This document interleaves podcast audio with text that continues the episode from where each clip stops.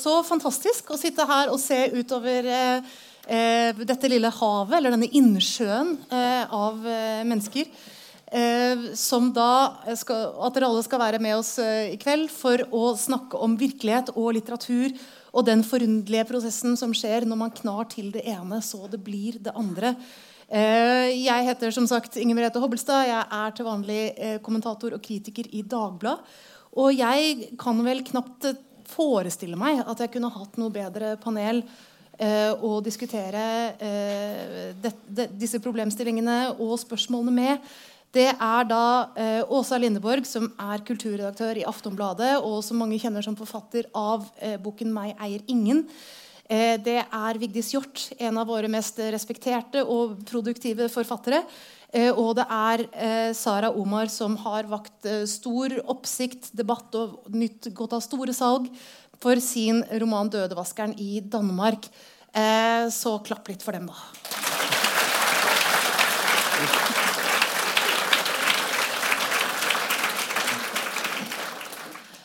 Vi skal altså snakke om det som de siste årene hvert fall har vært omtalt som virkelighetslitteratur. Men jeg tenkte først bare for å at vi skal etablere hva vi snakker om. da. Hva, hva, hvordan oppfatter dere ordet virkelighetslitteratur? Altså, Hva tenker man kjennetegner en bok som faller under denne paraplyen? Oi, hvilken svår fråga.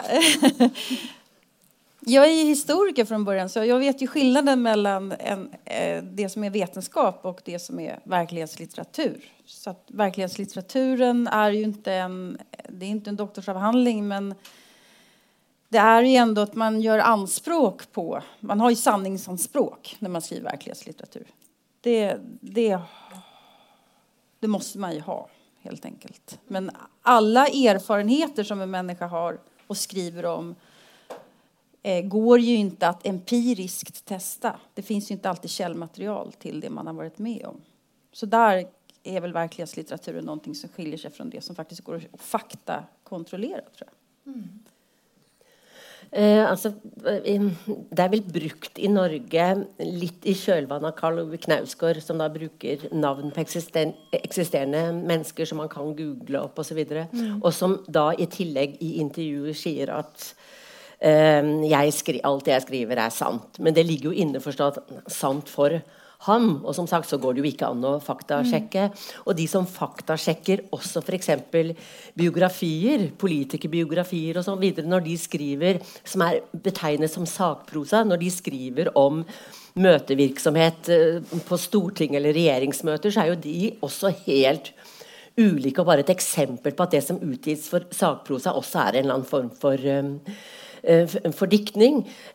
Så jeg vet, jeg vet, ikke om jeg liksom egentlig er så glad i begrepet. Og så har du en sånn som i Danmark, Klaus Bekke Nilsen, som jo også blir altså Som også på en måte gjør noe av det motsatte av Karl Ove Knausgård. og oppløser hele sin forfatteridentitet. Men det blir også kalt for virkelighetslitteratur. Så det er et, det er et, et er, det er et, og En annen ting som er litt viktig å si, er at det har jo vært gjort bestandig. Altså Dante skrev jo om samtidige som han plasserte ulike steder i helvete med navns nevnelse.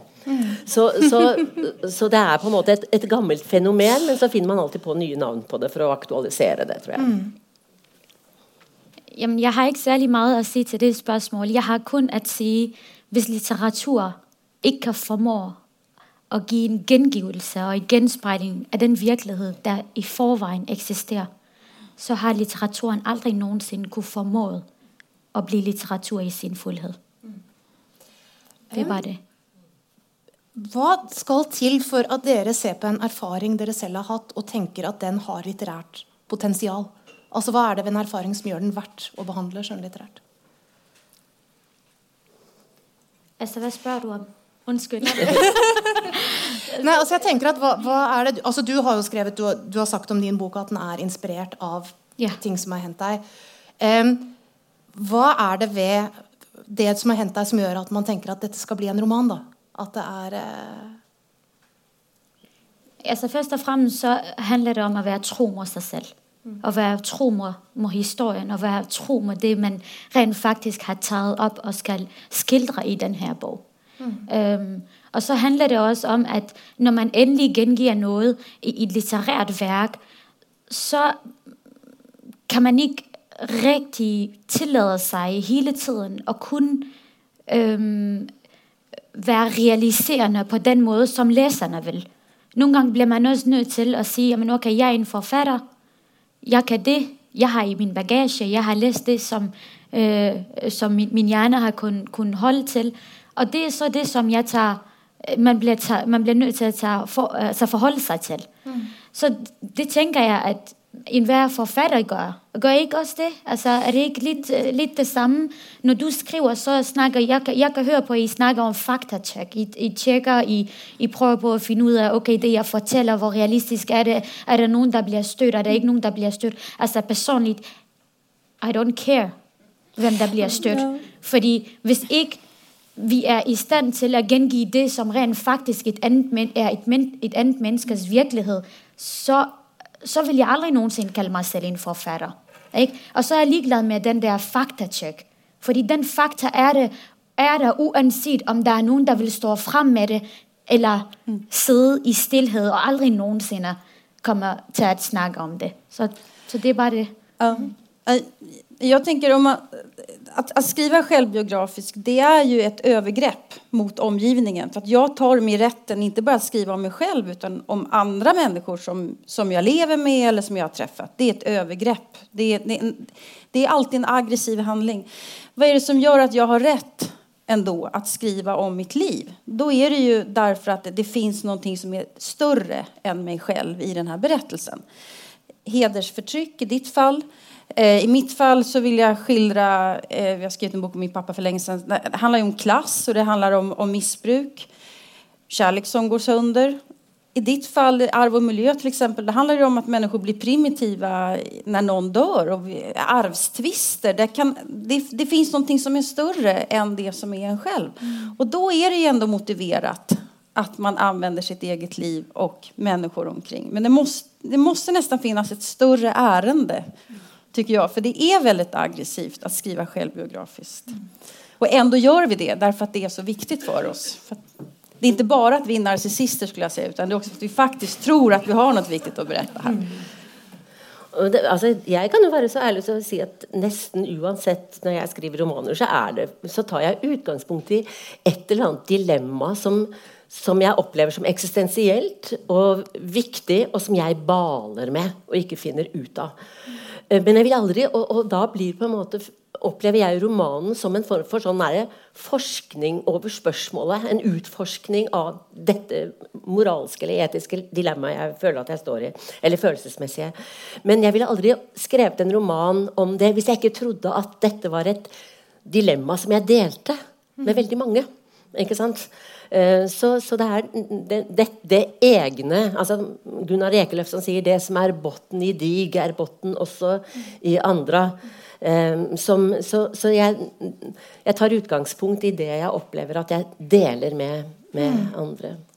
Um, også, jeg har lyst til å spørre deg litt om, om Meg er ingen, for den er jeg sikker på at det er mange her som har lest. Um, du sa det at du, du også det var en fortelling som lot deg belyse noen klassespørsmål. For jeg tenker Når du skriver om din far i boken din, så beskriver du en far som strever med mange ting, som drikker for mye, som ofte er blakk, men som har veldig mye stolthet. Eh, som gjør rent hele tiden, som er omhyggelig med å fylle opp sjekker ordentlig. Og det er som om han er veldig var på at han blir sett og vurdert og dømt. Eh, så på hvilken måte tenker du at den fortellingen han sier noe nettopp om å tilhøre en bestemt sosial klasse, og som kanskje er en annen klasse enn den som setter normene? da, altså Den, mm. den middelklassen som observera? Mm. Eh, tror att lite grann så skrev jag den där boken... Eh, min pappa tillhör de som man kallar för globaliseringens första offer. Han, han jobbar på Metallverken som flyttade till Kina 1991. Så att han tillhör de här, alltså de som man idag pratar väldigt mycket om som högerpopulismens kärntrupp. Nu var min pappa rød, men han, till, han har alle andre egenskaper som gjør at han skulle rösta på Donald Trump eller Nationella fronten eller Sverigedemokraterna eller någonting sånt där. Och det finns, när medelklassen tittar på de människorna så är det med ett väldigt stort förakt, ett väldigt stort klassförakt helt enkelt. Att de är primitiva. Eh, och de är så outbildade. Och de, är, de är egentligen inte människor utan de är någonting annat. Så att för mig så var det viktigt att skriva den här boken för att lite grann ta revansch för de här människorna som, som vi ser som, som de andra faktiskt. Som medelklassen ser som, som de andra. Och det där tror jag är lite grann hemligheten till att det är så många arbetare som har läst den boken faktiskt. En, här finns en, jag representerar inte dem alls. Jag skulle aldrig falla mig in och säga att jag representerar någon. Men de känner ändå att de äntligen fått ett litterärt uttryck. För medelklassen har ju som Edouard Louis säger, alltså medelklassen den blir dels gestaltad i politiken och sen så blir den gestaltad i litteraturen också. De får sina liv berättade två gånger. Eh, och eh, det måste ju liksom till någonting annat för att vi ska förstå mm. vad det är som håller på att hända. Och jag vet inte om det var svar på din fråga. Men... jo, absolut. Så, men så tänker jag också att när du då jobbar med detta projektet, så har du också det valet med hur mycket du ska utlevera, hur mycket du inte ska utlevera. Ja. Och jag vet du också snakket om det att det var ting du kunde skrivit om som du låt vara. Mm. Så bara, hur värderade du det? Alltså vad, vad som var värt att inkludera och vad som du skulle hålla utanför? Eh, det, som jag, det som jag avstod från att skriva det var hur min pappa, när jag gick upp på morgonen... Jag, alltså jag växte upp ensam med min pappa då. Ja, eh, han var metallarbetare. Och hur han på lördagmorgnarna... Jag gick upp och sen så såg jag att han onanerade under täcket. Under täppet. Alltså, heter det täppe? Ja, jag såg att han, jag såg att han tillfredsställde Jag förstod inte vad han gjorde, jag var för liten. Men jag minns det. Och då så då så skrev jeg det først. Och då så säger min redaktör, det här måste du stryka för att annars kanske någon tror att du har varit utsatt för sexuella övergrepp. Och det kan jag säga, det har jag inte varit. Det har absolut inte varit. Men det var en sån, där gick en någon slags skamgräns för vad man ändå får, får skriva. Jag tycker det var lite konstigt, men, men jag, jag strök det ändå. Men annars så har jag försökt få med så mycket som möjligt faktiskt. För, att, för jag skäms inte för min pappa. Mm. Jag gör inte det. Mm. Ehm. Det är andra som bestämmer vad man ska skämmas för. Men jag bestämmer för jag ska inte skämmas för det som medelklassen tycker att man ska skämmas för. Um, Sara, uh, jag lyst lust att spørre dig om Dödevaskaren. För den boken rommer ju en svært stark religionskritik mot en form för islam som är undertrykkende, som är voldelig mot kvinnor. Och den vakte oppsikt da den kom. Som nevnt så solgte den uh, i veldig mange eksemplarer. Men det var jo også en personlig risiko for deg å gi den ut. Eh, og du mottar trusler, og du må delvis leve med beskyttelse. Eh, hvilke tanker gjorde du deg om dette før du skrev boken? Altså dette med at det var en personlig risiko for deg? Altså, jeg var helt avklaret med hva det er jeg går inn til. Mm. Selvfølgelig Det å risikere livet, det er jo alltid det, altså, det er jo altid noe man, man sidder og overveier, og man bruger søvnløse nætter på det. Um, men når jeg endelig tænker over det, så har det vært det hele værd. Fordi hadde jeg ikke gjort det, så sad det ikke sånn noen søde, dejlige piger i dag, og vil gerne bli klogere på den kultur, som rent faktisk vedrører dem. Mm. Um, men ja, jeg hadde en hel masse overvejelser. Og det gjør man, fordi jeg er jo ikke bare en forfatter, jeg er en kvinne med en sag. Um, og øh, det er ikke bare en hvilken som helst sag, det er faktisk en farlig sag, Uh, som øh, øh, de fleste vil bruke i forskellige agendaer, politiske agendaer også. Øh, men dødvaskeren beskriver jo den måte, som religionen blir fortolket på, at det er bogstaver tro. Øh, og det er det, jeg gerne vil ændre på. Jeg vet at vejen er lang, og jeg vet også, at det kræver mange, mange århundreder frem i tiden. Men tænk, hvis vi rent faktisk kunne få de unge til at tage ansvar, til at tage deres hellige bog i hånden, og bare kaste et ekstra blik på det, og blive klogere på, hvad er det egentlig, det handler om. Hvorfor er det lige, at den her religion, den her kultur bliver så meget brugt imod dem? Hvorfor retfærdiggøres det? Grunden til, at undertrykkelsen bliver gjort og legaliseret i kulturen og i religionens navn, det er fordi, at folk appellerer til andres uvidenhed. Og når jeg sier andres uvidenhed, så betyder det jo, at for eksempel vores mødre og vores bedstemødre, de har jo aldrig nogensinde læst Koranen. De ved jo ikke, hvad det går ud på.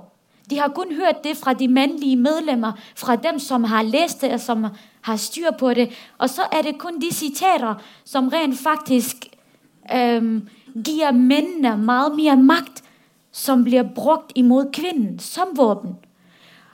Og det er den del, som jeg gerne vil gå opp med. Fordi hvis bare man begynte å sprede med budskabet, hvis bare man begynte å, å opløse folk, hvis bare man oppfordret kvinnene til at læse alt, det handler om dem og deres liv og deres rettigheter, så har de allerede den stærkeste våben noensinne. Og det er viden. Og viden er magt. Så det er derfor, at da jeg gjorde meg alle de her tanker, innen jeg begyndte å kaste meg ut i det, så tænkte jeg, hva er viktigst? Er det viktigst at du går rundt og ikke sier noe og gemmer deg under en dyne og er på depresjonen depressionen spiller resten av dit liv? Eller er det viktigst at du rent faktisk kan være med til å sætte en bevegelse i gang, der kan redde mange, mange, mange generasjoners liv? Så for meg handlet det om liv og død, og jeg valgte livet. Mm. Um, selve tittelen på boken, dette begrepet 'dødevasker', det er noe jeg vil tro at de fleste av leserne dine ikke kjente til før de leste romanen din eller leste om den. Um, hvorfor valgte du det som tittel?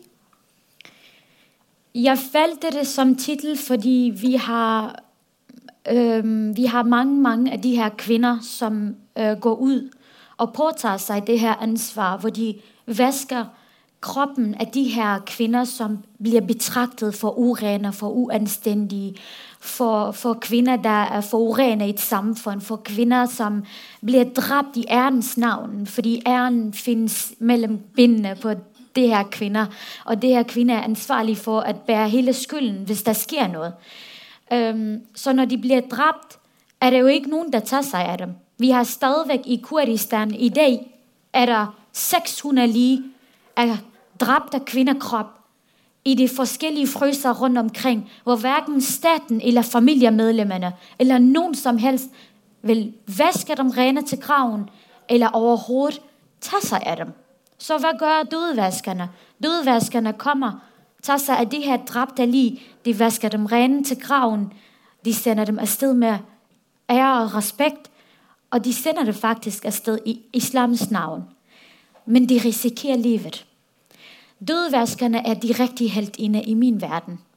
Alle de andre, der går rundt og råper kvinders rettigheter, og om aftenen går hjem til deres mand og har hed sex. For meg er det ikke kvinders rettigheter på samme måte som de gjør. Fordi de her kvinner de blir spyttet på. De blir stenet. De blir pisket. De blir hånet. De blir utstøtt. Men de blir ved med å kjempe kampen, og det gjør det gratis. Det gjør det uden å få noe som helst penge for det. I min verden er de de rigtige heltinder, og det er dem, der kæmper for menneskers rettigheder. De, gør, de kan jo ikke gøre det her kvinder levende igen, mm. men de kan være med til at, se, og, og, og, og anerkende dem. Mm. Um, du har jo sagt at denne boken er inspirert av egne erfaringer. Men det er særlig én scene i boken som du har sagt rett ut at det er noe du selv har vært vitne til. og Det er en rystende scene som er tidlig i boken, hvor det er en jente som uh, sitter på en sykkel og som begynner å blø mens hun sykler. At det vel er eh, jomfruhinnen hennes som, eh, som, sprekker da. Og, som, og hvor rett og slett eh, får tungen og ørene skåret av eh, pga. det. Og når du har sett det, hvordan, hvordan, har det vært for deg å skrive om det? Har det vært terapeutisk? Har det vært, hvordan, har det, hvordan føltes det bare å skulle omsette det i tekst? Det har selvfølgelig vært terapeutisk, men det mm. krever også enormt mye energi at sætte seg ned og sige, nå vil jeg gerne skrive om det her. Fordi nettopp den pige, der blir drept og lemlestet i første kapittel, det er jo min barndomsvenninne. Um, det slo meg da jeg forberedte meg til dette, at det er et tema som bøkene deres kan sies å ha til felles, nemlig skam. Altså at Det kan være en skam som påføres kvinner i det samfunnet du skriver om. Det kan være skammen over en måte å leve på som vekker forakt hos andre. Eller det kan være skammen innad i en familie eller i et kjærlighetsforhold. Bli forbigått og byttet ut. Altså, jeg vet ikke om dere kan si noe om dette, Hvorfor skam er en interessant følelse å behandle litterært? Nei, altså jeg tror, jeg tror, jeg tror at han på psykolog, psykologspråk så snakker man om, om altså at skyld er liksom på en måte en form for sånn enklere følelse å håndtere fordi at man føler skyld fordi man har stjålet en sjokolade, eller man har gjort noe man vet er galt, eller man har skulket skolen, eller man har løyet, eller sånt noe. Men at skam er en sånn mer uklar og selvfortærende um, følelse. Altså selvødeleggende følelse, på en måte, og at den derfor er vanskeligere å bære og mer, mer ødeleggende, mm, kanskje. Jeg, jeg vet ikke. Mm. Ja, altså eh, Skam har blitt et, et, en eh, nästan en politisk fråga. Alltså man, man skambelägger väldigt många grupper nu, eller människor eller handlingar. Eh, jag, Skamkänslan den är väldigt, väldigt, den, är den starkaste du kan ha nästan. Du skäms. när du skäms så betyder det att du, du känner att du har gjort någonting som du vill dra dig undan. Du har gjort något så dumt så att du ska inte få vara med alla andra. Det är det skam, skambegreppet går ut på att sortera bort folk. Du får inte vara med här. Du ska gå bort, du ska helst leva i ett annat samhälle. Det funkar ju inte så, för vi kan inte leva ensamma. Vi måste ju leva i de här samhällena som, som, som är konstruerade för oss. Men just nu så är det väldigt mycket skambeläggningar. Män ska skämmas, de som flyger ska skämmas, de som äter kött ska skämmas. Alla ska skämmas. De som röstar högerpopulister, man ska skämmas istället för att vi tar de politiska diskussionerna. Skäms och så pratar vi inte om det. Man gör allting till känslor. Det där blir väldigt starka teman i litteraturen, hur man, hur man förhåller sig till, till att, man, att man inte hör hemma man ikke får være med. Og så er det vel det med skammen at hvis man da blir holdt ute, så er det det med skammen at man, man er enig. Man deler Altså Det kjennetegner skammen. Man er enig med flertallet Ja. at 'jeg hører ikke hjemme her'. Jeg, er, jeg forstår at dere ikke vil ha meg med. Ikke sant? Altså, ja, Selvforakten, da. Utrolig sterk kjensle. Men skam er også det som gjør at det rent faktisk er blitt skapt tabuer. Altså, hvis skam ikke var til stede, så var tabuer aldri til stede. Ligesom øh, Freud snakker om, at vi mennesket har to sider. Vi har en, øh, vi har en øh, konstruktiv side, og så har vi en destruktiv side. Og vores destruktive side er altid med til at skabe den skam, der er i os. Men den skam bliver kun forstærket af, at der er folk rundt omkring os, der rent faktisk sørger for, at skammen bliver fornyet hele tiden. Mm. Øhm, men det er jo vores allesammens ansvar at bryde med, skam, med skammen. Fordi i det øyeblikk man bryder skammen, så er man faktisk også tilbøjelig til å snakke. Mm. Man er tilbøjelig til å diskutere tingene. Man er tilbøjelig til å bryde tavsheden. Mm. Fordi skam er med til å skabe tavshed også. Og tavshed betyder tabu, og tabu betyder udlæggelse, og udlæggelse betyder et samfund, der går i benægtelse og blir berøringsangst overfor vigtige emner, som rent faktisk berører vores liv og som er med til at ødelegge familie efter familie, hvor naboen kan trække gardinet fra, og så kikke inn og vide præcis, hva der foregår ind i den anden nabos dør, men aldri noensinne sætter ord på det. Det er også skam. Så skam er i det hele taget en meget, meget grim dæmon, som vi alle sammen burde utslette. og vi burde starte med oss selv. Fordi hva er skam? Skambegrepet, det, går jo ut på at uh, man skal holde människor på plats helt enkelt. Kvinnor ska veta sin plats eller vanligt folk ska veta sin plats. Det är otroligt politiskt laddat hela, mm. hela skamfrågan. Den, är, den, den skapar ju de här hierarkierna som vi har. Altså, Alla skal ikke få prata eller, eller hva det er. Da dødvaskeren utkom, så var det til et arrangement, jeg sad, og så var det en mann, sådan en langskægget en, øh, med al respekt for skæg. han rejste sig op, og så sagde han, har du ingen skam i livet? Så sagde jeg, nej, faktisk ikke. Jeg har gjort op med skammen. Hvad snakker du om? Så sagde han, nu forstår jeg bedre. Så sagde jeg, ja, og det burde du faktisk. Fordi skam er det, at du, at de giver dig magt til, at du kan holde mig i lænker. Jeg har brutt min lenker. Og dermed har jeg også brutt skammen. Og når jeg har gjort det, så har den langskjeggede mand aldri noensinne makt til å fortelle meg at jeg skal sette meg ned. Så når vi bryter skammen, så er vi faktisk Vi åpner døren til friheten. Og det er så enormt viktig at man verdsetter den frihet. Men, men samtidig så er det Men så, så, er det jo samtidig sånn da, altså, at skam er en forferdelig følelse. Men det er, jo, det er jo sånn at man skulle ønske at det var noen som skammet seg. Altså at det er, noe, Ja, ja, ja, ja, de, det er mange som burde skamme seg. Feil Som person som over- skammer seg. Ja, de som burde skamme seg, skammer seg ikke. ikke sant? Altså, det er det som er det fortærende. Da. Jeg tror folk forveksler skam med respekt. Hvis man har selvrespekt, så, så, så betyder det også at man kjenner sine egne grenser. Man kan avbalansere. Man vet hvornår man skal si hva. Men folk kommer til å forveksle det med skam. Ikke? Hvis man er rappkæftet, eller hvis man er livet i, i sproget og forteller det presis som det er, så er man rappkæftet. Ikke? Rappkæftet, kjenner I uttrykket? Ja, så er man rappkæftet. Men heller være rappkæftet enn undertrykt. Um, jeg tenker også, Hvis vi skal snakke om dette med det selvbiografiske elementet i romanet og Vigdis, Du har jo ikke lagt skjul på at du selv har eh, erfaringer som minner mye om det hovedpersonene dine opplever, og at vi blant tar utgangspunkt i det. Men så har du samtidig, vel egentlig så lenge som du har skrevet, passet på å understreke at det ikke nødvendigvis er deg. altså at Det har jo skjedd en bearbeidelse der. Eh, hvorfor har det vært viktig for deg å kommunisere begge deler? da? Uh, nei, altså fordi, fordi det Jeg kan ta et veldig enkelt eksempel. Da. Altså at jeg var i en periode sammen med en bilselger fra Skien. Det var en veldig hyggelig eh, erfaring. Og, nei, men det var det. Det kan an, anbefales. Ja, det var, vi traff hverandre på bluesfestival på Notodden, som også kan anbefales for de litt tilårskomne som jeg ser dere er her. fordi der, der kan man gå høsten fint i møte. Der er det bare sånn blues, og alle sitter sånn med whiskyflaska der og cowboyboots og nei.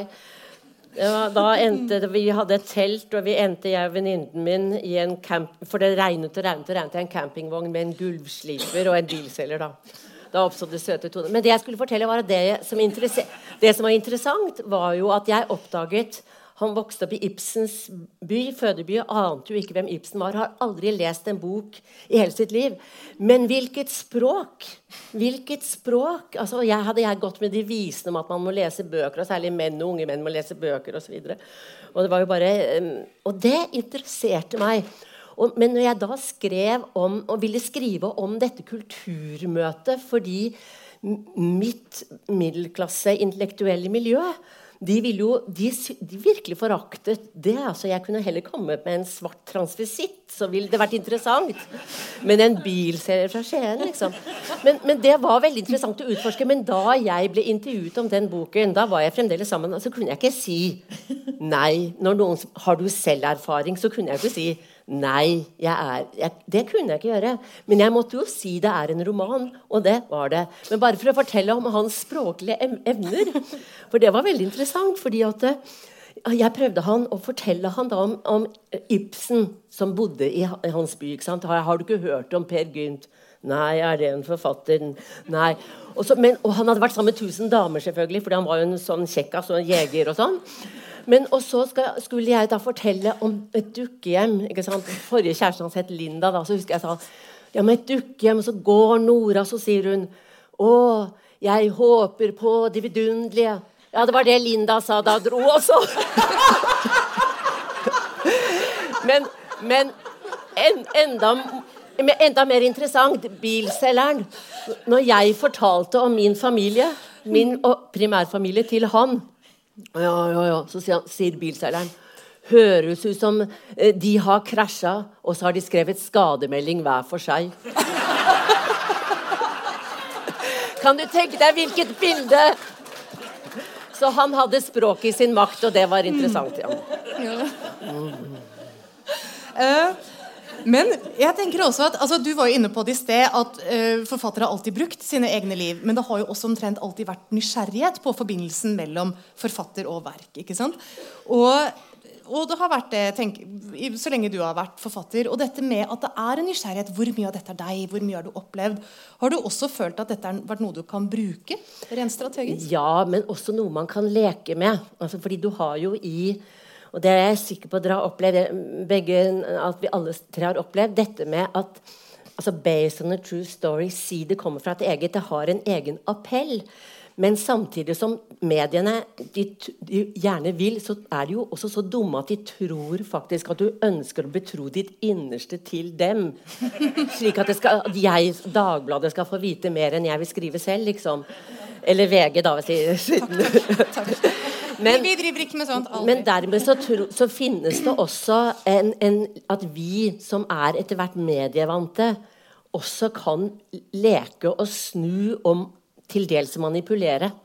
Fordi det er jo noe man ikke vil at alle skal, skal vite osv. Slik at man skal ikke ta det for god fisk når mennesker som er kjent med offentligheten, sier dette er sant eller dette ikke er sant. Altså, mm. Det har i mente det at man de fer, altså Når det står sånn Ingvar Ambjørnsen snakker ut, så er det sånn da, da, er det, da, er det, ingen norske forfattere som tror, tror på at han gjør det. Altså. Men, men jeg tenker også at altså, det er ganske mange nivåer i diskusjonene rundt dine bøker. fordi På den ene siden så har du deg, du er et levende menneske eh, eh, som sitter foran oss nå. Og på den andre siden så har du en rolle du spiller i offentligheten. Eh, du har jo snakket om det at du er bevisst på at sant, Dag Solstad er dels en figur. Du er dels en, en figur. Eh, og så er det hovedpersonen i bøkene dine som delvis har samme erfaringer som deg selv. Og, og, Kan man på en måte operere med sånne tre nivåer i en bred offentlighet uten at de blir litt misforstått og sauset sammen? Nei, det, eh, nei, det kan man sikkert ikke. Men det gjør, altså det gjør, ikke så mye. Det bryr ikke jeg meg så mye om. Mm. Jeg prøver å skrive så gode eh, romaner som, eh, som, mulig, og håper at de kan stå seg utover mediestøyen. Og så prøver jeg å bevare meg selv som et menneske med de viktigste av relasjonene i mitt liv, som ikke har noe med offentligheten å gjøre. Og resten har jeg bare gitt opp å kontrollere. Og det, der kan figuren Vigdis leve sitt e e eget liv. Mm. Og så blir jeg av og til konfrontert med den, men det gjør ikke så mye. Mm. Eh, men egentlig til dere alle sammen, altså Bøkene deres forholder seg jo i ulik grad til deres egne erfaringer. Men det at bøker blir lest som historier om deres eget liv, eh, og om andre levende mennesker, altså kan det også være begrensende? Fordi det kan ta oppmerksomheten vekk fra at det også er kunstverk, at det også er en bearbeidelse. At det blir, lest, altså at det blir forstått i så stor grad som eh, bekjennelser, nesten.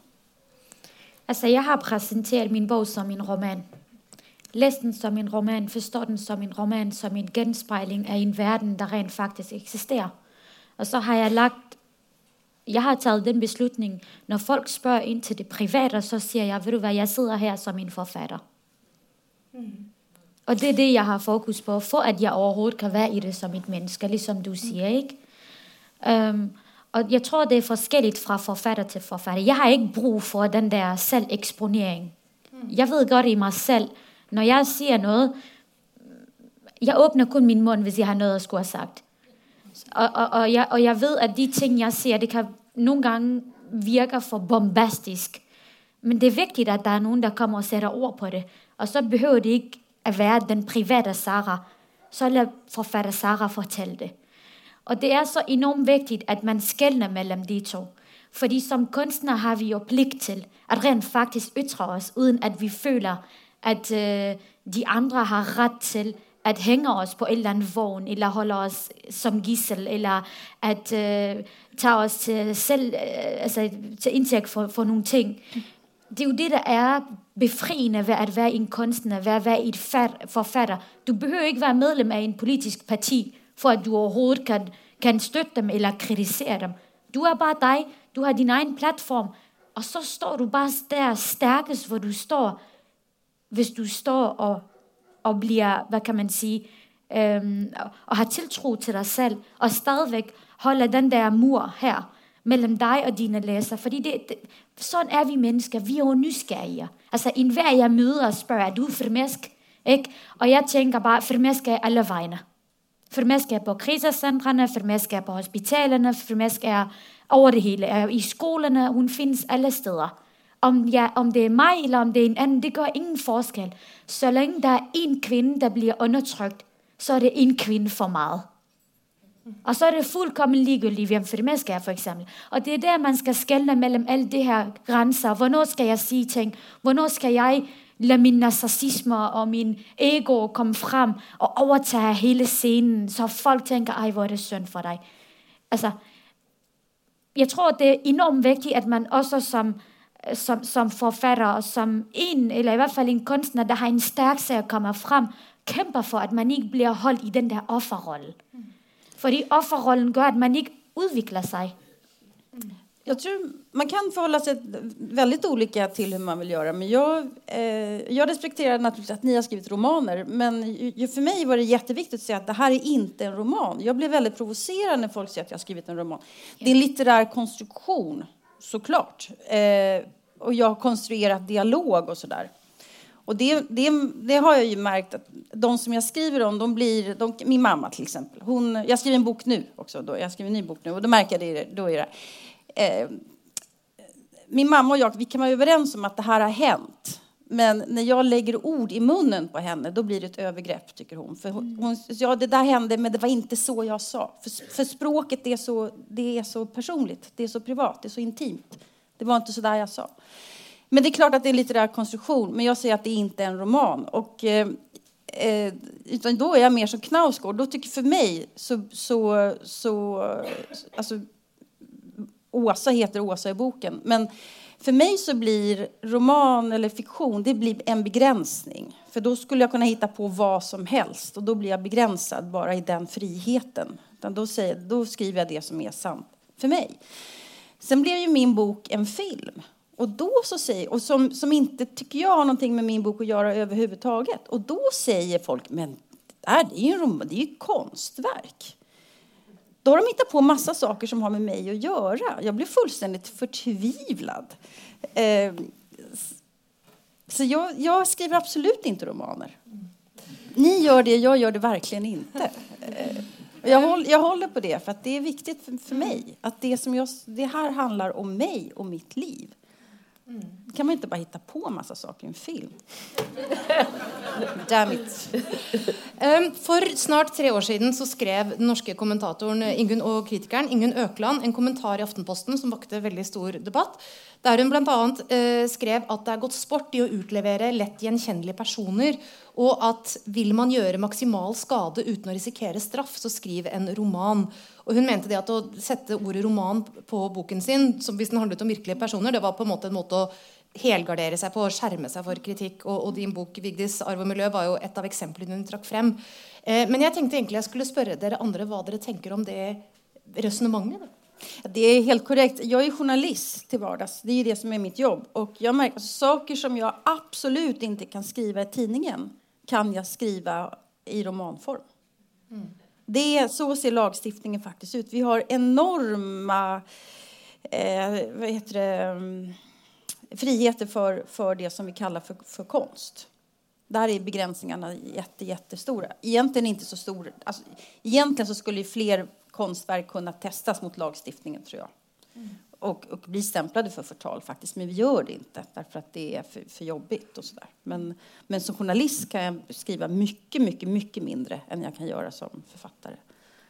Men der, är och hänger är också det med det att eh, Eh, altså jeg har sittet eh, 30 dager i fengsel i Sandefjord. Og jeg hadde ikke tenkt å skrive om det, fordi mediene hadde ikke fått det med seg. Men det var bare en sånn eksistensiell erfaring som gjorde at jeg skulle skrive om det. Og jeg har aldri vært så flink med å kamuflere, for det var ingen der som hadde valgt å sitte sammen med meg. Det var i, all, alle dommer, all biografi og sånn. Det betyr allikevel at av de 13 kvinnene som jeg satt sammen med der, så er det klart at noen kan kjenne igjen noe. Men da er det de innenfor der.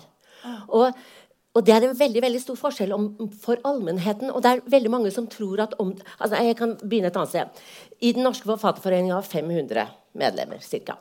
Disse medlemmene skiller seg hele tiden. Helt regelmessig rutinmessig, så kommer det da etter en sånn skilsmisse så har den forfatteren som har skilt seg, kom med en bok om en skilsmisse. Og der er det selvfølgelig noen som kan kjenne igjen en, en, en ektefelle, en elskerinne og sånt. Noe sånt. Men det, det er gjennoms... Altså, hvis denne boken selger i 100 eksemplarer, og ingen så skjer det ingenting. Altså, det, det, er ikke sikkert at Karl Ove Knausgård var klar over gjennomslaget som disse mange tusen sidene skulle få. Altså, og Hvis den hadde blitt lest av et par stykker, så ville det Og dette er en uforutsigelighet som ligger i det. Og det andre er at man kjenner igjen Alle som kjenner en forfatter, de kan kjenne igjen små ting. Men om hele verden skal kjenne igjen Men det tror det tror det mennesket som kjenner seg igjen, at dette alle vil se meg. Så det er også en unnskyld meg, en liten selvopptatthet hos de da levende modeller. Og i mitt tilfelle, med arv og miljø, så var det jo min familie som gikk til Aftenposten og sa 'Det er oss!' Det er oss, Men vi er ikke sånn! Ellers så tror jeg faktisk ikke at så mange hadde, hadde, hadde tenkt uh, på det. altså. Men trodde du da du skrev arv og miljø', at den kun ville bli gjenkjent av de nærmeste og i den brede offentligheten ville fremstå så mye mer av en ren roman? Var det jeg, det du så for deg at ville skje? Jeg trodde faktisk, jeg trodde faktisk det. Mm. Eh, ville du gjort noe annerledes når det da virkelig ikke ble slik? Nei. det var skjønt å høre. Men da, altså, eh, når vi snakker om den romanen, det har jo vært voldsomme etterdønninger. Det ene var at søsteren din skrev en motroman med et annet perspektiv. Eh, eh, moren din som saksøkte Den nasjonale scenen her i Bergen fordi de satte opp en teaterversjon av den romanen. Altså, for å ta det siste, Hva tenkte du da du fikk vite det? At det faktisk var et søksmål som hadde kommet ut av hele denne historien? Nei, men Jeg kan jo si det som jeg sa litt på bakrommet her. altså at det, Jeg hadde kvaler da jeg skrev. Det har jeg ofte. Og avveininger og sånn. Men eh, jeg er glad for at min søster har skrevet den boken. Ja, hun har svart på tiltale. Det er et godt bevis på at den familien ikke ligger nede. De har kraft til å slå eh, eh tilbake. Og i forhold til det med nasjonale scener, så, så tror jeg rett og slett at eh, det med, altså det, det, var et varsel om søksmål, og det har jo ikke kommet noe mm. søksmål. Så jeg tenker at dette er en utforskning i det feltet som du nevner, og som er interessant. Det er interessant, da, altså, men, men, men, Og jeg kan da observere at min familie, eh, med min Jeg tror det må være min søster i spissen da, er gått inn i dette feltet hvor da kunsten er skummel og farlig, og man vil ned. Men og, og, og, jeg kan være enig i at romaner kan gjøre skade, og er sikkert altså ikke samfunnsmessig, men sikkert for det, eh, for det enkelte mennesket kan bli såret og, og, føle seg krenket. Og alt det der, og det skal man ta på alvor. Jeg skal ikke bagatellisere det. Men sånn som vår verden ser ut i dag, så er det ikke kunsten eller teatret eller romaner som er liksom det farlige og det skumle. liksom. Så jeg, jeg synes at på en måte det å, å sette kreftene sine inn på å kjempe mot akkurat det, det, jeg ville valgt annerledes, eh, tror jeg, da. Men nå er jo jeg da på den andre siden, siden her. Men jeg er ikke uhildet, for å si det sånn. Men jeg tenker det du sier eh, også om dette med om ting skal kunne prøves juridisk altså Hvis man ser for seg at eh, For det første, vil det være til dere alle, egentlig, vil det være mulig å være rå og sannferdig i en roman og samtidig beskytte levende modeller? Altså Skal man tenke at kunsten skal få ta seg til rette uansett? Eller i hvilken, hvilken, instans skal man ta den forhandlingen? Skal det være i samtalen med en redaktør? Altså Hvordan skal man veie kvalitet mot Er det Hvilket ledd da skal den skje, og, og hvilken, på hvilken måte kan det gjøres? Det er en, det er en moraldiskusjon som man må ha med seg selv, tror jeg. Eh, og de nærmeste, ifall man våger det, da. Men jag tycker redaktören ska inte lägga sig i, i, mina privata relationer. Det tycker inte jag. Utan redaktören ska bara bry sig om text ifall det inte är uppenbart förtal. Men problemet är när man skriver skönlitterärt, eh, det märker jag nu, det är inte roman men det är ändå skönlitteratur. Eh, det märker jag nu att om jag, om jag, om jag, jag vill inte skada någon med min, med min nästa bok, jag vill inte skada någon med mig äger ingen heller. Men om, jag, om man ska skriva självbiografisk eller verklighetslitteratur eller jag-litteratur så måste man skriva om människor som lever. Så är det. Jag kan inte vänta till alla dött. Jag, eh, jag måste skriva om min exman. Eh, och, eh, eh och, eh, och jag, vill inte, jag vill inte skada honom. Men, men då, så, då så säger min redaktör, eller Vigdis gjort här nu alldeles nyss, men skriv bara på, skriv på och sen så kan man stryka. Problemet är att om jag verkligen skriver på, det kommer bli så in i helvete bra. Då vill jag ju inte stryka. Och där blir man ju så hänsynslös som författare. Man blir det. Det måste bara ut för att det här är så bra. Och den skrivprocessen är ganska svår. Att sitta och ha den moraliska diskussionen med sig själv eh, samtidigt som man skriver. Det är väldigt, väldigt hämmande. Jag tror ingen redaktör ska lägga sig i det där, för redaktören vill ju bara att allt ska ut. Då. Det bästa ska ju ut. Mm. Jeg har veldig lyst til å høre hva du sier. Bare Ja. veldig, veldig kort, fort. At eh, det er også noen som hører med at det, min søster har liksom framstilt og som et resonnement som flere, Ingunn Økland bl.a., har kjøpt. At det er romanen min som har ødelagt familien. Nei, den var ødelagt. Den har vært ødelagt lenge. Det er ikke noe som romanen gjør. Det er virkeligheten som har ødelagt. Er, ja. Men jeg er veldig interessert i å høre hva du svarer på dette spørsmålet med hvilke kvaler og den prosessen i forhold til For her har det jo stått virkelig store ting på, på, på spill. Altså, der er jo en grunn til, at jeg har valgt at skrive i romanform. Jeg kunne endelig ha valgt at skrive en selvbiografi.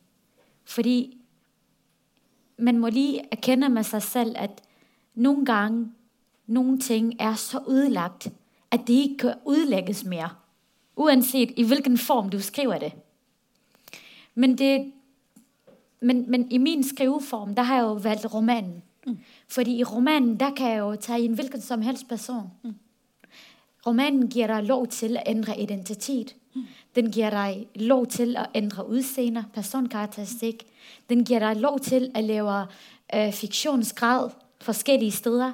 Den giver deg lov til at selv skurkerne, når de kommer frem, at du har lavet et eller annet twist, hvor de sier det er meg', så sier du, 'nei, men det er ikke deg'. Er du adopteret, for eksempel?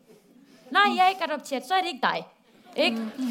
Men inderst inde ved man, at det er vedkommende, og vedkommende ved, at det er vedkommende. Og dem, der er omkring vedkommende, ved, at det er vedkommende.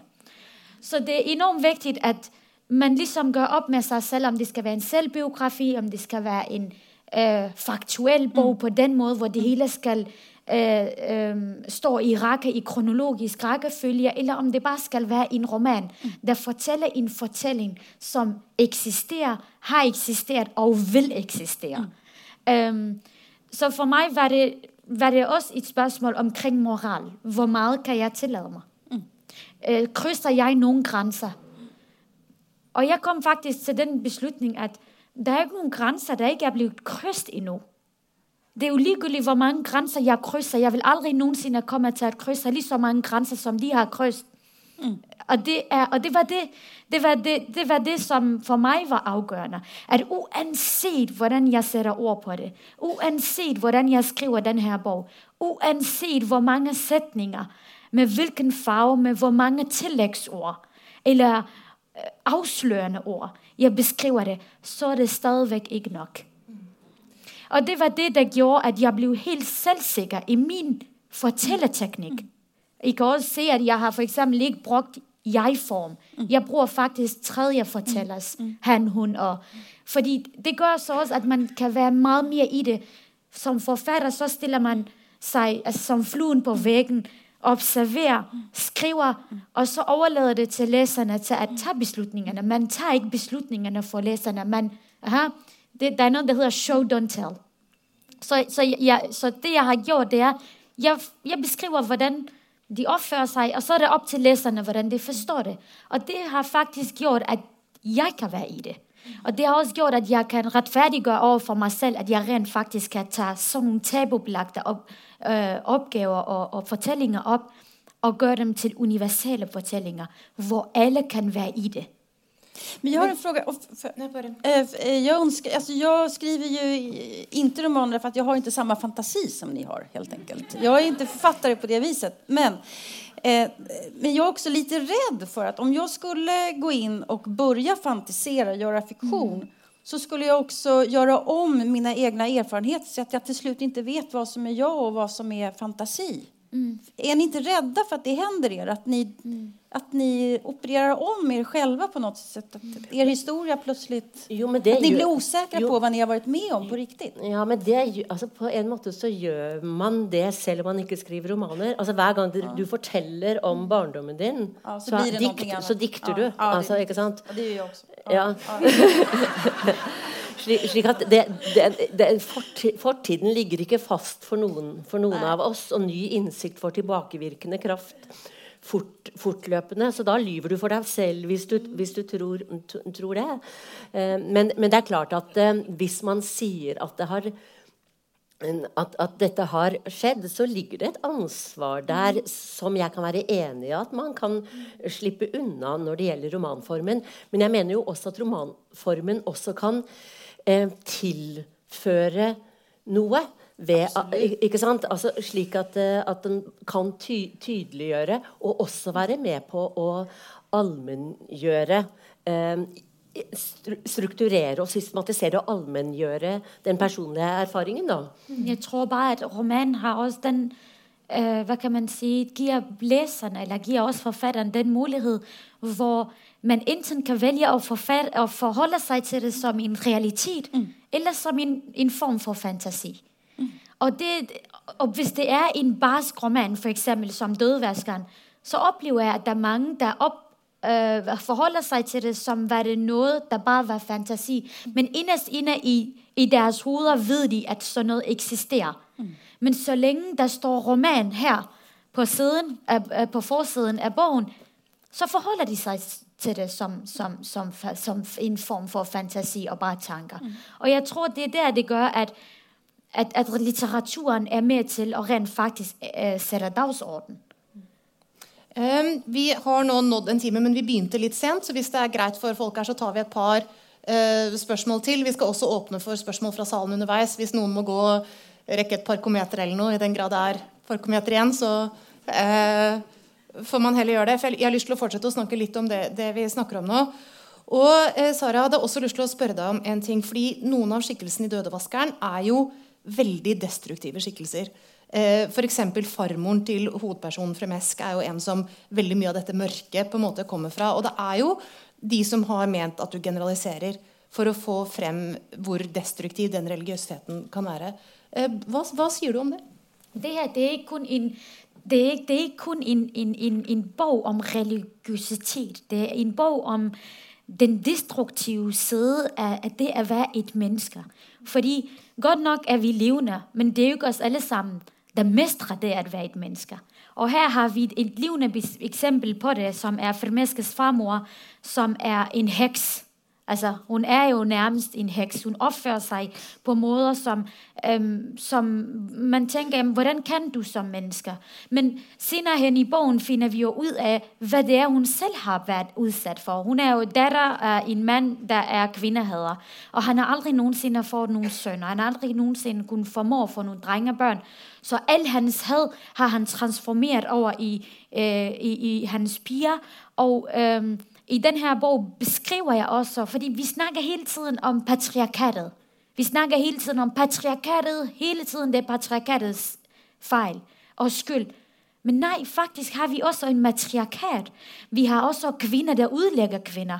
Vi har kvinner som udstiller kvinner. Vi har kvinner som får andre kvinner til å bli straffet alene ved ordets makt, ved deres giftige tunge. Og det skal vi også ha i. Så ja, vi har sånne giftige skikkelser. Og vi har dem i vårt samfunn uansett hvor vi beveger oss. Og Noen ganger kan det være helt tett på oss. Noen ganger er det vår egen mor, noen ganger er det vår egen søstre, eller bare naboen, eller vår lærer. Og, det kan komme av forskjellige ting. Det kan komme at man selv har hatt det elendig. Man selv er blitt destruktiv. Man selv er blitt brutalt behandlet. Og, og, og Bahra er jo et levende bevis på at, at, at, at hun er et sted i sitt liv hvor hun er blitt så ødelagt at hun tillater seg selv å ødelegge andre mennesker. Og Det er det jeg gjerne vil fremheve også, men også at øh, si til kvinnene prøv å høre, sett dere nå ned. I, I skal ikke altid pege mændene. I har også et ansvar. Det har hun også. Ikke? Um, så, så, det er enormt viktig at vi får snakket om alt det her. At det ikke kun er religion, at det ikke kun er kultur. Det er faktisk også et, menneske, øh, et menneskes mentalitet der, der, der trænger til forandring og reformation. Og det er det som Bahra er det levende eksempel på. Så ja, og der er mange destruktive skikkelser i min bok, men det er der sørme også i virkeligheten. Så. Um, det er interessant dette synes jeg, med at det kommer på en måte press fra, på litteraturen fra mange kanter. For én ting er jo det presset fra et religiøst hold, som du har opplevd. Eh, men iblant så skjer det jo også noe helt annet. Og, og også jeg tenker på, For et års tid siden så var det jo en samling svenske litterater som prøvde å opprette det de kalte den nye nobelprisen, som var en slags respons på skandalen i Svenska Akademien. og Der var det jo noen initiativtagere eh, som sa det at verden måtte minnes om at litteraturen skulle forbindes med demokrati, åpenhet, empati og respekt. Det var eh, ordene de brukte. Og du skrev jo kritisk eh, om dette. Og, og, Hva tenker du om at det kommer sterke stemmer som vil på en måte vurdere litteratur ut fra moralske kriterier på, på den måten?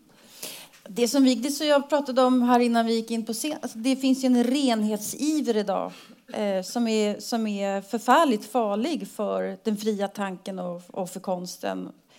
Eh, litteraturen blir förljugen om hur samhället och människor ser ut och är och fungerar om vi tror att alla ska vara rena och goda. Om vi bara kan gestalta människor som har goda värderingar som gör goda handlingar, för så ser det inte ut. Utan alla människor är komplexa och samhället är komplext. Och litteraturens uppgift skulle jag säga är bland annat att behandla alla de här skavankerna och det fula och det dåliga så att vi ska förstå vad det här är för någonting. Det spännande är när man faktiskt kan hitta sympati för det som man tror att man inte tycker om. Det, har ju verkligen litteraturen lyckats få mig att tänka efter. Men Sverige är ju ett renhetsivrande land och vi lever i väldigt moralistiska tider. Och man skulle behöva, som vi sa, stryka hälften av världslitteraturen om det är så att man, och mer än så. Om vi bara ska skildra eh, och sätta ord på det som är vackert mm. och, och, och, bra gjort. Då kan, vi inte, då kan vi egentligen inte känna sympati med några människor överhuvudtaget, för de människorna finns ju inte. Mm. Det mest förljugna eh, av allting. Eh, dere som sitter her, er jo fra tre forskjellige nordiske land. Med tanke på at tittelen på dette arrangementet er 'Sånn sier man bare ikke'.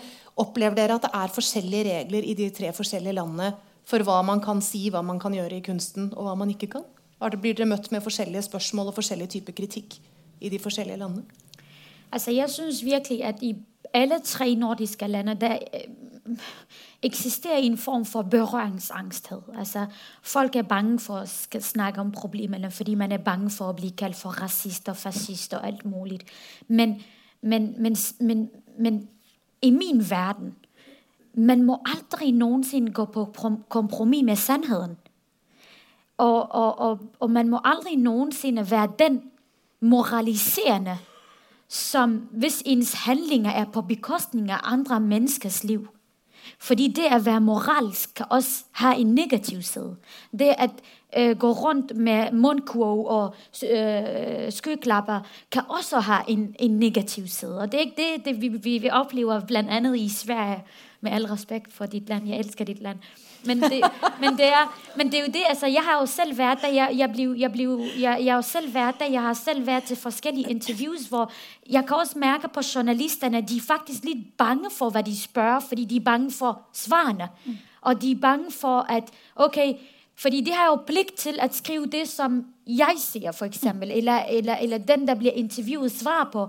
Og det skal jo være deres arbejde tro, det skal være deres samfunn tro, og så skal det være deres morale tro. Og det gjør så også, at det blir skabt en dilemma. Og den dilemma gjør at du...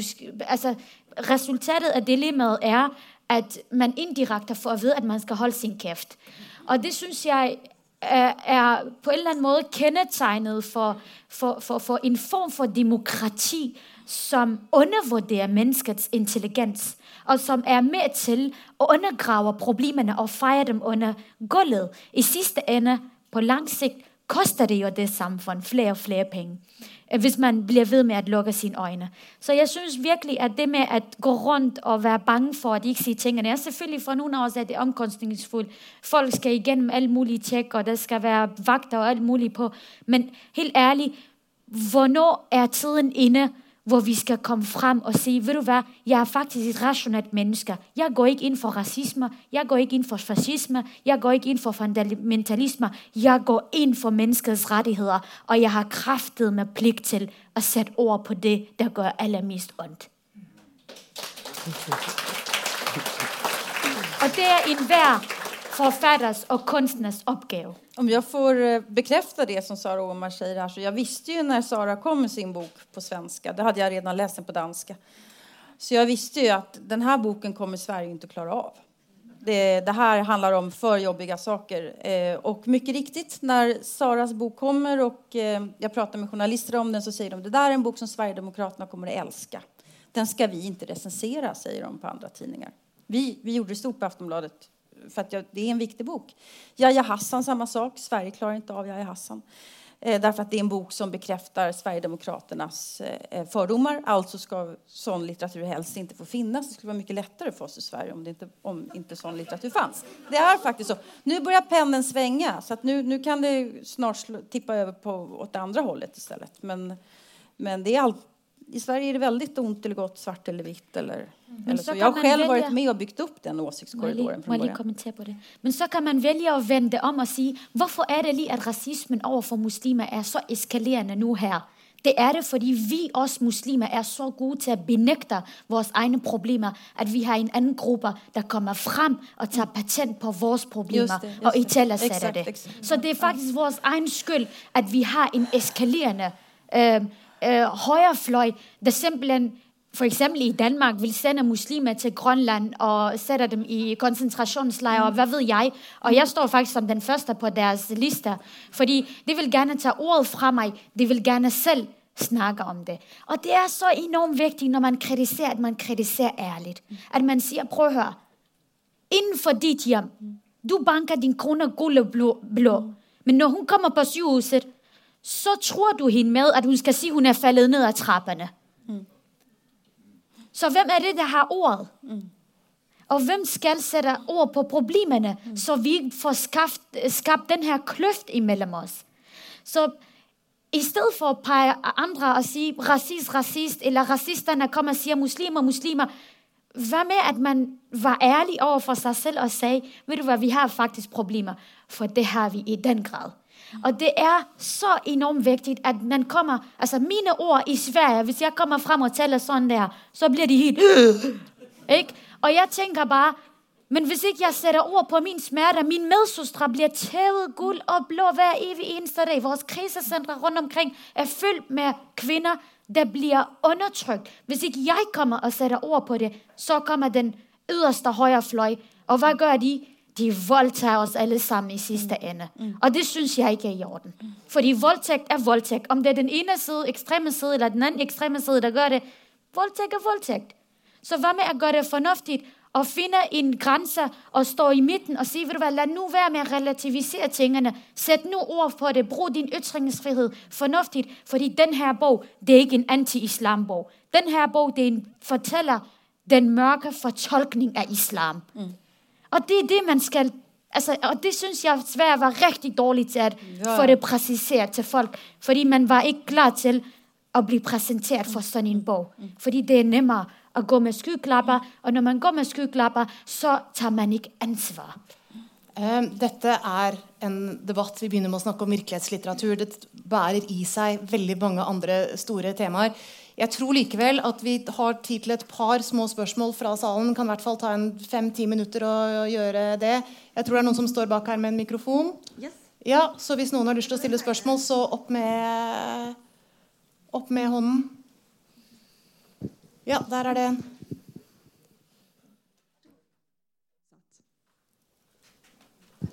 Hvorfor det er såpass stor interesse for virkelighetslitteratur? Hvorfor det er så mange som vil komme hit og høre på det? För att eh, jag, tror att eh, samtiden är väldigt svår att förstå just nu. Jag tror att verklighetslitteraturen hjälper oss att tänka tillsammans och förstå vad det är för tider vi lever i. De är jättekomplicerade de här tiderna. Det är liksom stora de är enorma. Jag ser det som historiker, alltså det, är så, det är så stora skiften så att vi, vi blir alldeles eh, vilsna. Och då kommer verklighetslitteraturen och hjälper till tänker jag. Vi tänker tillsammans med verklighetslitteratur. Men det gör man ju i och för sig med all bra litteratur i och för sig. Men det finns, jag tror det finns ett behov, inte av att Kanske att verklighetslitteraturen också den, den kräver ju någonting. Den kräver ofta ett ansvar från någon.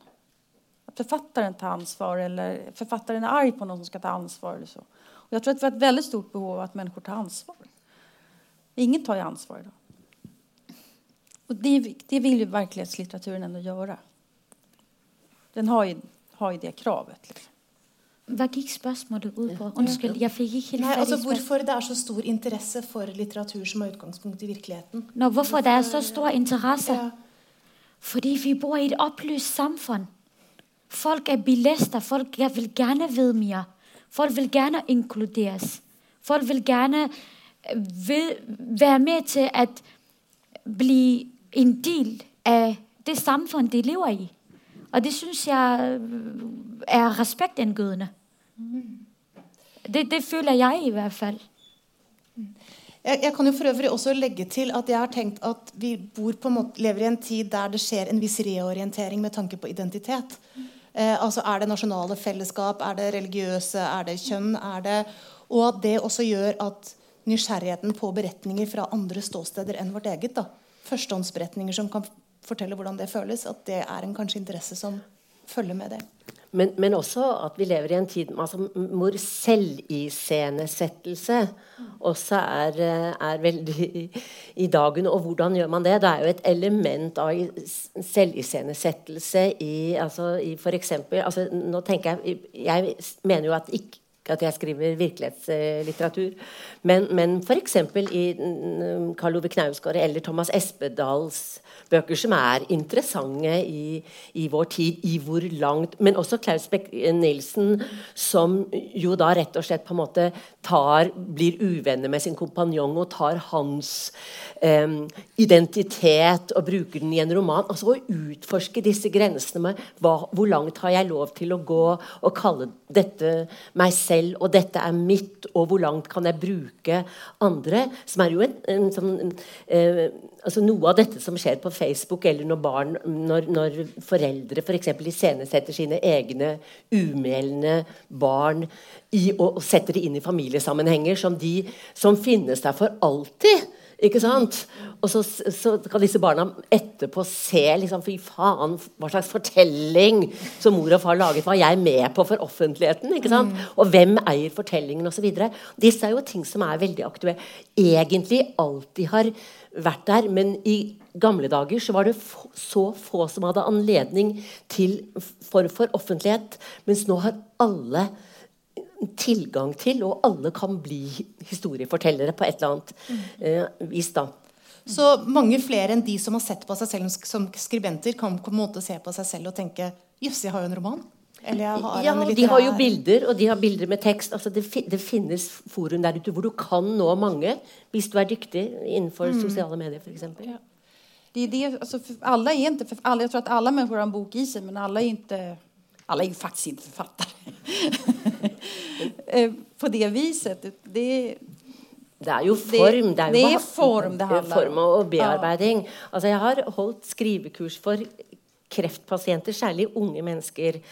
Fordi de of, veldig ofte blogger om sykdommen sin. eh, og mm, personalet ser at det har en god terapeutisk effekt å skrive alt ut. Samtidig som veldig mange av disse da har erfaring med at når de da, hvis, særlig de som blir helt friske igjen, kommer på et jobbintervju eller på en date, så sitter de og har lest alt om kroppslig forfall og psykisk og veldig mange sånne ting som i etterkant de har lyst til å være fri fra. Og da blir da en profesjonell som meg innkalt for å si hvordan kan man få det ut uten at det blir så, altså At det kan bearbeides slik at det blir til å leve med et, etterpå. da, at, Og det er jo da det er jo den kompetansen som forfatteren har, og etter hvert også har trening i. da. Men, men jeg tenkte bare sånn jeg tenkte på, Som er litt sånn typisk, da vi snakket om det svenske og det danske, så tror jeg det skal si det norske i forhold til dette du nevnte med um, Nei, du har bare falt ned trappen og sånn. Og i forhold til å kommentere det vi snakker om nå, så er det altså Dette er en liten vits som handler om lille Per, som fikk i oppgave å skrive på skolen da, om en jeg beundrer. Og lille Per han ville skrive om sin far, for han beundret jo sin far enormt. For faren kunne spansk og japansk og kunne skifte dekk på bilen og kunne klippe gress og hjelpe mor med oppvasken, og det var ikke måte på. Og så når da lærerinnen skal gi stilen tilbake til Per, så vil hun si Men Per, det må jeg si. Du har en fantastisk far. Og så sier per, lille Per ja, og så er han så flink til å hjelpe meg å skrive stil. og det er, dere må spørre dere spørsmål hvem, når dere leser enten det er aviser eller romaner. Hvem skriver egentlig? Hvem er det egentlig som skriver? Så? Jeg er meget enig. Jeg tror det er personligheten bak ordene. Personligheten, forfatteren selv bak ordene, der gjør at teksten kan realiseres i den øh, skriveform som er bærlig for den, der læser det.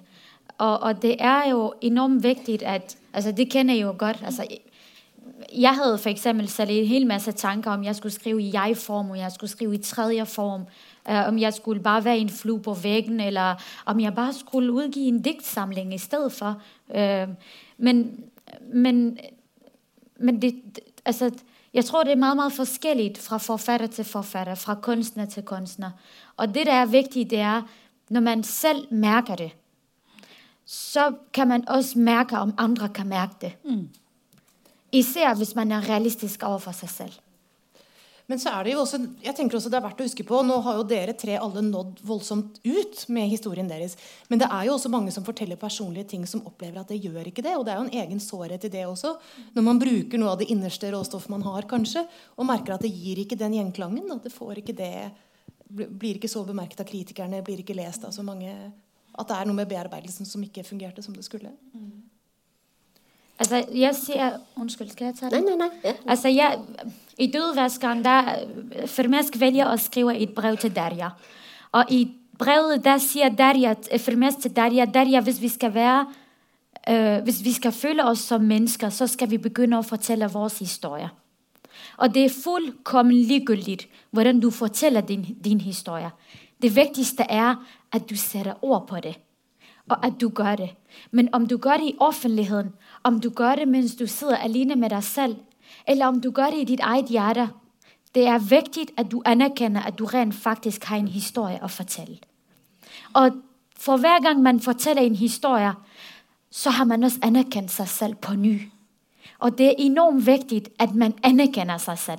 Fordi hvis den anerkendelse ikke kommer fra en selv, ikke kommer fra ens indre, så forventer man den anerkendelse fra alle mulige andre. Og i sidste ende kan det være, at man aldrig noensinne får det, og det går en til et depressivt menneske.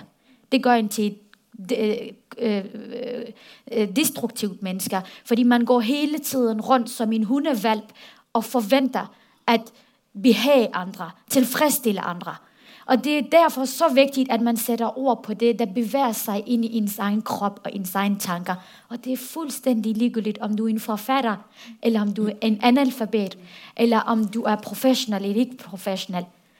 Du har dine ord, og dine tanker, og det er det, der gør oss levende. Men jag måste eh, bara säga, alltså, som, som litteraturkritiker, det, det är vi ju, eh, några av oss här inne, så då, då tycker jag att det är viktigt att, att, våga prata kvalitet. Det är klart att man vet vad som är bra och dåligt. Alltså det finns ju, vi, vi har ett normsystem som vi diskuterar oss fram till vad som är bra och dålig litteratur. Och det är ganska viktigt att kunna prata om det. Och även en författare som skriver, fläker ut sig själv, skriver väldigt privat. Det, det kanske blir misslyckat därför att språket och formen faktiskt inte bär och håller. Alle alla kan inte måla en tavla heller, även om man kanske försöker gestalta någonting. Alla är, alla är ju inte Picasso. Det, det är ju faktiskt så. Och här, här, eh, här är jag lite eh, provocerad av det. Liksom det här, eh, inte ingen här inne, men, men det finns ju någon idé om att, att, eh, att det är elitistiskt att säga att det finns kvalitetsregler. Klart att det inte är. Det, det, finns ju bedömningsformer här som vi egentligen är ganska överens om. Och då är min poäng här att om man skriver riktigt, riktigt bra så blir man ursäktad. Då kan man, då kan man faktiskt berätta egentligen vad som helst om andra människor. Men om det är riktigt bra språk så vinner man. Liksom. Så begynne med livet. Vet du hva, Vi må dessverre eh, sette strek der. Dere har vært veldig utholdende. Og, jeg, eh, så jeg vil gjerne si tusen takk til alle dere som satt her så lenge. Men ikke minst tusen takk til det kjære